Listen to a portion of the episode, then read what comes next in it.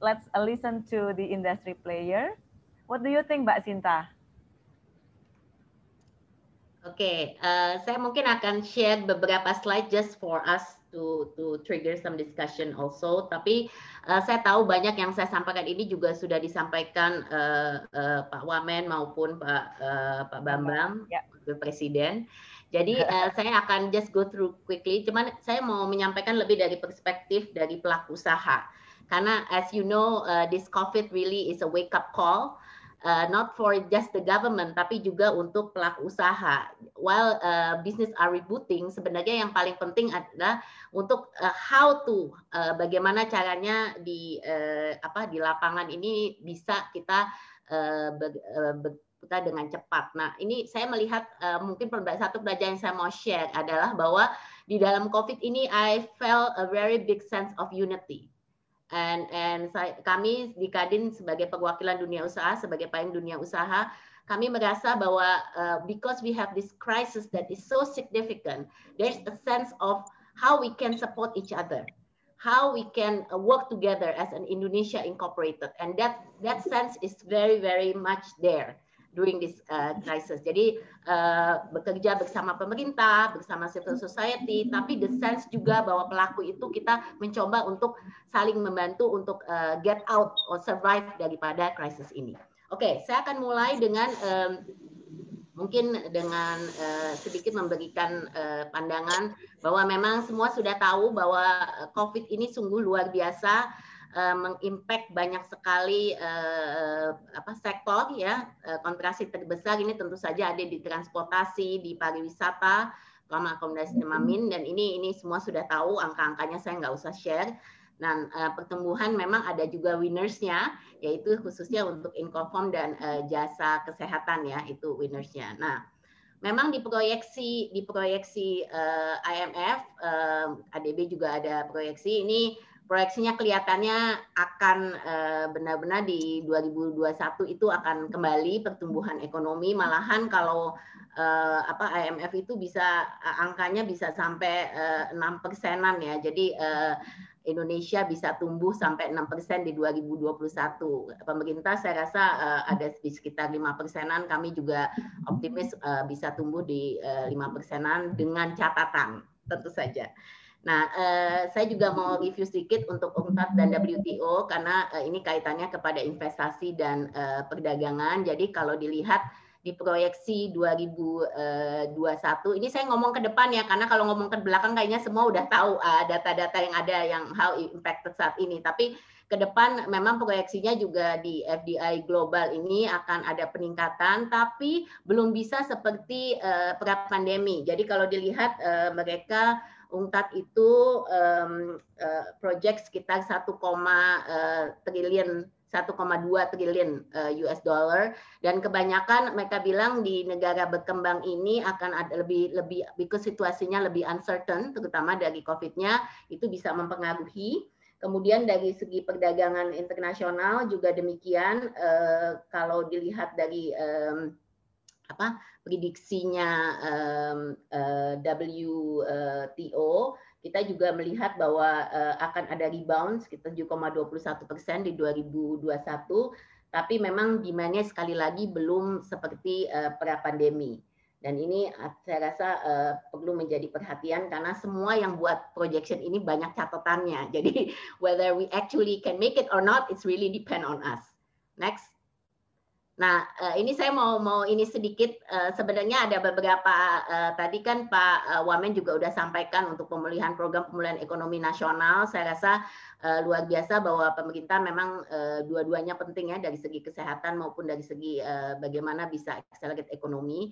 Nah, tapi mungkin saya mesti highlight sedikit ini dan kami bekerja sama memberikan input juga kepada pemerintah bahwa memang dana pemulihan ekonomi ini punya keterbatasan gitu. Jadi uh, tahun depan ini akan di akan dikurangi dan uh, kami sekarang masih coba untuk mengatakan ayolah coba bagaimana kita bisa uh, khususnya untuk yang insentif uh, dunia usaha dan juga untuk apa uh, UMKM uh, maupun untuk uh, pinjaman koperasi ini bisa diserap dengan lebih tinggi karena tahun ini penyerapannya belum bisa maksimal. Dan ini banyak sebenarnya kendalanya, terutama kalau kita menghubungkan dengan koperasi itu hubungannya lebih banyak ke moral hazard dan lain-lain untuk perbankan. Jadi ini juga sesuatu yang saya selalu lihat ke depannya ini akan selalu jadi sulit gitu. Dalam satu sisi kita mesti kerja cepat, kita mesti dapat uh, apa uh, implementasi dari segi uh, uh, fasilitas insentif yang yang yang cepat tapi dalam sisi lain ada kehati-hatian. Karena apa pun yang dilakukan kita sudah lihat apa yang terjadi sekarang ya dana bansos bansos pun bisa dikorupsi. Jadi semua itu dengan unsur kehati-hatian. Dan ini saya rasa satu topik yang akan akan sangat kental tahun depan gitu. Bagaimana kita bisa jalan cepat tapi tetap uh, berhati-hati karena uh, moral hazard yang ada. Dan ini saya mengerti kami mengerti dari sisi pemerintah tapi tentu saja dari pelaku usaha kami butuh ini semua gitu. Jadi uh, jelas implementasinya harus uh, bisa lebih maksimal. Nah ini yang saya ingin sedikit uh, touch uh, a little bit ya. Karena uh, sebenarnya kekhawatiran utama kami ini ada di lapangan pekerjaan dan ini ada beberapa aspek karena uh, sebelum COVID pun ini sudah struktur ketenaga kerjaan kita ini memang sudah sudah bermasalah ya karena kalau kita lihat uh, 55% sebelum pandemi itu uh, pekerja kita adalah pekerja informal gitu dan itu naik dengan COVID uh, ada sampai 70 persenan. Jadi pekerja formal kita masih sangat kecil. Nah, kemudian kita juga melihat bahwa dari segi COVID itu yang terdampak nih sangat besar Eh, kemarin kita pernah data selama COVID itu ya oke okay, kalau PHK di sini angkanya PHK mungkin sekitar uh, jutaan gitu ya, tapi banyak sekali yang dirumahkan dan itu angkanya uh, sampai 7 jutaan tuh di yang data yang kita dapat dari semua asosiasi. Jadi ini sebenarnya yang sangat mengkhawatirkan uh, uh, buat Indonesia adalah bagaimana kita bisa menciptakan lapangan pekerjaan yang lebih banyak.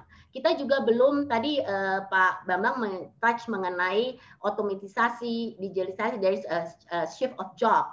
Betul, dan itu juga berdampak kepada uh, availability dari lapangan pekerjaan. Kenapa? Karena banyak yang tidak butuh uh, apa uh, karyawan sebanyak sebelumnya gitu dengan adanya otomatisasi ini. Jadi ini saya rasa uh, uh, apa suatu hal yang sangat perlu diperhatikan Indonesia dengan uh, dengan adanya rendahnya pekerja formal, kemudian dengan adanya uh, keterbatasan dari segi penciptaan lapangan pekerjaan, ini bagaimana caranya kita bisa uh, moving forward karena kita mesti paling tidak punya 3 juta lapangan pekerjaan setiap tahunnya dan bagaimana kita bisa menciptakan itu. Of course there's a big shift now to uh, UMKM namun UMKM juga punya uh, kendala sendiri. Nanti saya akan touch a little bit mengenai uh, some of the issues in the UMKM. Tapi prinsipnya kita semua harus memperhatikan bahwa uh, uh, apa creation of job will be a very very important uh, part Nah, saya juga mau melihat uh, share di sini mengenai komponen biaya usaha di Indonesia.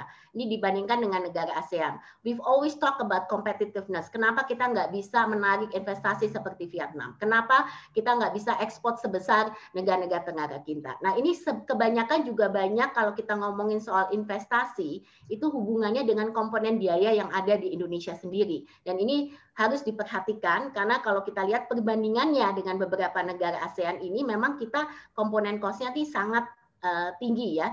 Jadi kita bisa uh, dan ini sangat men-discourage kalau kita pada akhirnya kan kalau investor selalu membandingkan gitu dan ini ini yang mungkin harus menjadi perhatian pemerintah bagaimana caranya untuk kita bisa mengurangi uh, high cost ekonomi ini.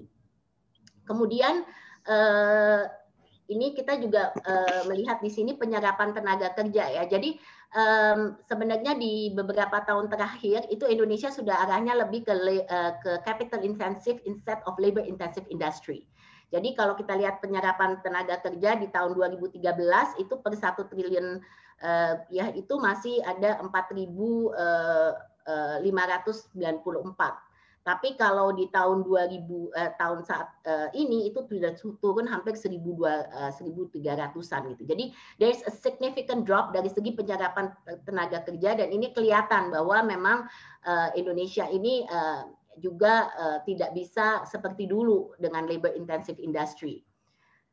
Kemudian tantangan-tantangan lain ini saya mau sampaikan karena tadi juga banyak dibicarakan mengenai supply chain. Jadi memang kunci utama di Indonesia itu daya saing dan produktivitas manufaktur nasional. Ini sudah kita katakan lama sekali industrialisasi. Jadi sebelum kita even bicara soal 4.0, we have to talk about the uh, how the structure of uh, our manufacturing saat ini.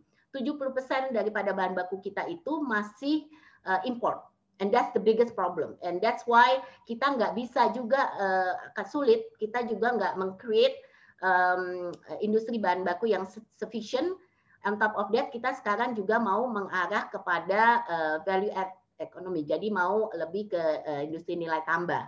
Jadi sebenarnya hulu ke hilir ini ini yang jadi masalah besar Indonesia. Kalau resources kita sebenarnya punya ya kan, tapi bagaimana kita bisa mengembangkan industri kita ini kuncinya. Dan ini sebenarnya PR yang sudah lama sekali, tapi uh, sampai saat ini mungkin uh, jalannya kurang cepat gitu. Nah, ini kemarin dengan industri uh, apa batu batu uh, apa uh, electric vehicle, uh, kemudian uh, battery lithium, kita mulai dari nikel kita. Ini ini mulai di mapping. Uh, ini sebagai salah satu contoh. It that's just one example on how we want to really uh, maximize uh, dari hulu ke hilir ya. Dan ini ini yang uh, mulai dilakukan uh, pemerintah. Tapi memang jalannya masih sangat panjang karena this is really basic. And because of that it's also impacting kita punya cost. Gitu. Kenapa kita nggak bisa kompetitif? Ya karena masalah ini Nah, ini juga uh, minimnya integrasi Indonesia uh, ke dalam uh, global supply chain. Jadi tadi Pak Bambang sudah sampaikan itu benar sekali kita harus menjadi bagian dari global supply chain. Unfortunately, we are not yet there gitu. Jadi uh, despite sekarang ini saya harus angkat topi ya pemerintah ini sudah mengupayakan uh, akses akses pasar yang lebih besar dan lain-lain ya. Jadi Eh, kita sudah melihat bahwa beberapa terakhir eh, selama COVID aja sudah ada dua perjanjian-perjanjian dagang yang diselesaikan. Kemarin kita baru tanda tangan yang IKA SIPA, pemerintah baru tanda IKA SIPA. Sebelumnya kita baru the biggest ever uh, most ambitious for uh, Asia Pacific yaitu RCEP. Jadi saya pikir uh, itu suatu yang luar biasa buat Indonesia because the past few years we have been very slow Eh, kita baru menyelesaikan eh, Indonesia Australia SIPA, eh, Indonesia Chili sebagian, tapi sekarang ini dicoba untuk dipercepat. Nah, kuncinya adalah dengan adanya perjanjian-perjanjian dagang ini, ini sebenarnya sangat, sangat baik buat Indonesia. Karena kalau kita nggak jadi part of it, we are going to be on the losing side. But unfortunately, untuk kita bisa memanfaatkan dampak yang signifikan, itu kita mesti memperbaiki bagian ini baik itu industrialisasi kita, baik baik itu juga uh, perbaikan daripada investment climate kita yang ada gitu. Jadi ini yang saya rasa menjadi kunci untuk kita bisa kompetitif karena pada akhirnya semua dibuka gitu siapa yang bisa memanfaatkan, siapa yang bisa ngambil advantage uh, is the one that's most competitive. Nah, ini yang saya rasa sangat penting dan saya juga mau mau sedikit sharing itu juga berkait dengan UMKM Indonesia karena we have been trying to also support UMKM untuk go export tentu saja. Nah, persiapan untuk UMKM Indonesia ini go export ini masih juga sangat sulit ya karena eh, produk-produk yang dikembangkan oleh UMKM kita juga sangat terbatas. That's why our focus right now, our focus dan adalah bagaimana bisa membantu. Jadi juga kita ada fokus kemitraan perusahaan besar, perusahaan kita. Kita mulai dari UMKM kita menjadi part of the supply chain of perusahaan besar. Itu juga udah satu step ya. Dan kemudian nantinya gimana kita bawa itu uh, lebih ke pasar ekspor dengan menyiapkan fasilitasi mulai dari pengembangan produk mereka all the way sampai uh, apa um, kesempatan untuk ekspor ke ke pasar-pasar baru. Nah ini ini suatu pekerjaan yang menurut kami sangat penting karena we always talk about Indonesia uh, wants to promote more export terutama untuk UMKM tapi we have to be ready with the the right products. Nah, minimnya investasi untuk adaptasi teknologi dan inovasi industri, saya rasa kita semua nggak usah bicara soal itu. Kita tahu bahwa this is really our biggest problem. For the longest time, we, we're not talking about just digitalization ya, but for the longest time our R&D has been very limited. Dan ini sekarang dengan COVID is really a big push of our R&D. And um, this is something innovation technology, it's a no-brainer. We have to really move forward with this. Um, kami mulai juga dengan membantu uh, UMKM juga dengan uh, program-program uh, digitalisasi untuk training mereka. Mereka harus bagian masuk ke e-commerce tentu saja. Nah, um, ini hal-hal yang uh, sangat besar ya uh, dampaknya. Tapi kita perlu uh, bagaimana mencari sistem mekanisme untuk uh, bisa masuk ke dalam proses um, digitalisasi yang uh, sufficient, kita juga melihat dengan uh, infrastruktur Indonesia memegang peranan sangat penting ya, karena we want to go digital, but the infrastructure has to also support it. So I would say this is a very key aspect. Kemudian domestic supply chain mismatch, saya rasa kita tadi saya sudah bicara mengenai uh, hal tersebut. Um, kita sekarang melihat bagaimana nanti supply chain daerah-daerah produk-produk unggulan daerah mana, bagaimana ini semua uh, juga dengan pemerintah Eh, kita sedang matching. Kemudian uh, rendahnya kualitas SDM, uh, eh, this is really uh, is something that we find very important, the fundamental of human capital development. Jadi kita lihat dari uh, dari um, di, uh, permasalahan yang kita hadapi selama COVID ini, kita juga melihat bahwa betapa pentingnya the human capital aspect ini yang menjadi uh, actually kekuatan kalau kita punya fundamental yang kuat. Dan ini uh, kita melihat memang Eh, kenapa kita sekarang push namanya training vokasi karena yang tadi dikatakan skill mismatch itu itu sangat benar karena absorpsi yang ada yang keluar daripada dari dari uh, pendidikan dan diabsorb oleh industri itu tidak match gitu. Apalagi dengan sekarang covid banyak dengan uh, shift of job tadi gitu. Jadi future of work is completely different. Nah this is something that we are currently also working dengan Kementerian Pendidikan dengan Kementerian Ketenagakerjaan gitu ya. Gimana caranya kita bisa uh, push dengan training vokasi Eh, dengan pembelajaran dari negara-negara lain juga. This is uh, very important. Uh, saya mesti pinpoint permasalahan di Indonesia juga kadang-kadang adalah koordinasi gitu. Uh, tidak hanya koordinasi antar pemerintah dan pelaku, tapi juga koordinasi antar kementerian dan uh, koordinasi dengan daerah. Jadi ini yang yang mungkin uh, memang kalau kita mau uh, punya satu um, roadmap yang jelas, nah ini uh, mungkin implementasinya juga kita harus pikirkan uh, bersama yang bisa maksimal. Tapi jelas kualitas SDM dengan uh, kita mesti ada upscaling, rescaling dan lain-lain. Ini sedang kita lakukan. Our frustration has always been uh, pace. Jadi kita udah arahnya sebenarnya sekarang kelihatan udah udah benar tapi pace-nya ini uh, we are a bit too slow.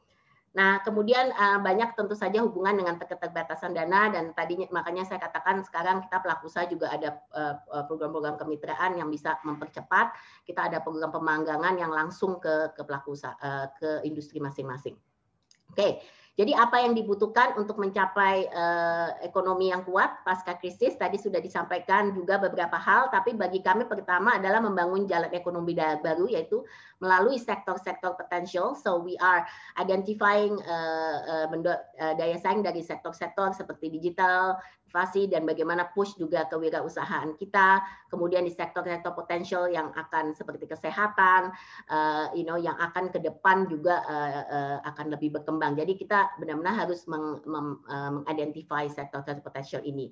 Harus saya katakan bahwa bisnis sendiri saat ini sedang melakukan transformasi um, uh, saya mungkin bisa share sedikit dari uh, kelompok, kelompok usaha kami. Transformasi itu tidak hanya dari segi sektor yang mungkin uh, harus dievaluasi uh, bagaimana perubahan daripada uh, bisnis model yang ada, tapi juga memasukkan SDG. Jadi sekarang saya yang personal lagi push adalah gimana pada kesempatan COVID ini kita juga bisa memanfaatkan embedding SDG di dalam our business model.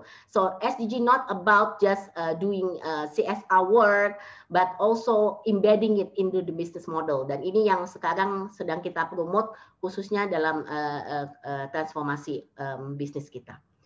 Kemudian uh, kedua adalah uh, juga membangun dan uh, memperkuat kapabilitas uh, ekonomi. Ya tadi sudah saya sampaikan semua mengenai hal itu. Dan uh, tadi yang terakhir membangun ketahanan ekonomi sosial. Dan ini saya rasa uh, sangat penting karena pada akhirnya kita harus bisa lebih resilience. Jadi kita harus uh, nah nah nah. Terakhir saya mau mau touch mengenai game changer. Tadi sudah disampaikan oleh Pak Wamen memang ada buat kami uh, dua hal penting untuk game changer di 2021. Pertama adalah vaksinasi Dan uh, ini vaksinasi ini kita butuhkan, sangat butuhkan untuk meningkatkan confidence masyarakat karena sekarang banyak masyarakat juga menengah atas tidak mau belanja ya karena kondisi COVID. Jadi selama COVID tidak bisa terkontrol, saya rasa akan sulit untuk mencapai target-target yang tadi sudah disampaikan. Jadi vaksinasi memegang peran penting untuk meningkatkan confidence daripada uh, masyarakat. Nah, tentu saja uh, kita mesti ada transparansi dari segi uh, uh, distribusi access kepada um, vaksin tersebut dan juga uh, pembiayaan dan kapasitas yang kita ada. Tapi saya setuju bahwa pada akhirnya COVID ini kita tetap harus mengikuti protokol kesehatan. Jadi walaupun vaksin itu sudah ada, itu akan untuk bisa bisa di, di uh, memberikan vaksinasi kepada 70% dari warga negara Indonesia, saya rasa itu uh, membutuhkan uh, waktu dan protokol kesehatan itu menjadi bagian dari hidup kita. Jadi nanti 2021 bagaimanapun juga saya rasa protokol kesehatan akan terus harus bisa dijalankan. Kemudian uh, cipta kerja mungkin ini yang terakhir tadi sudah ditouch juga oleh uh, oleh um, Pak Wamen. Jadi mungkin saya sedikit memberikan gambaran this is the biggest structure reform that Indonesia ever made.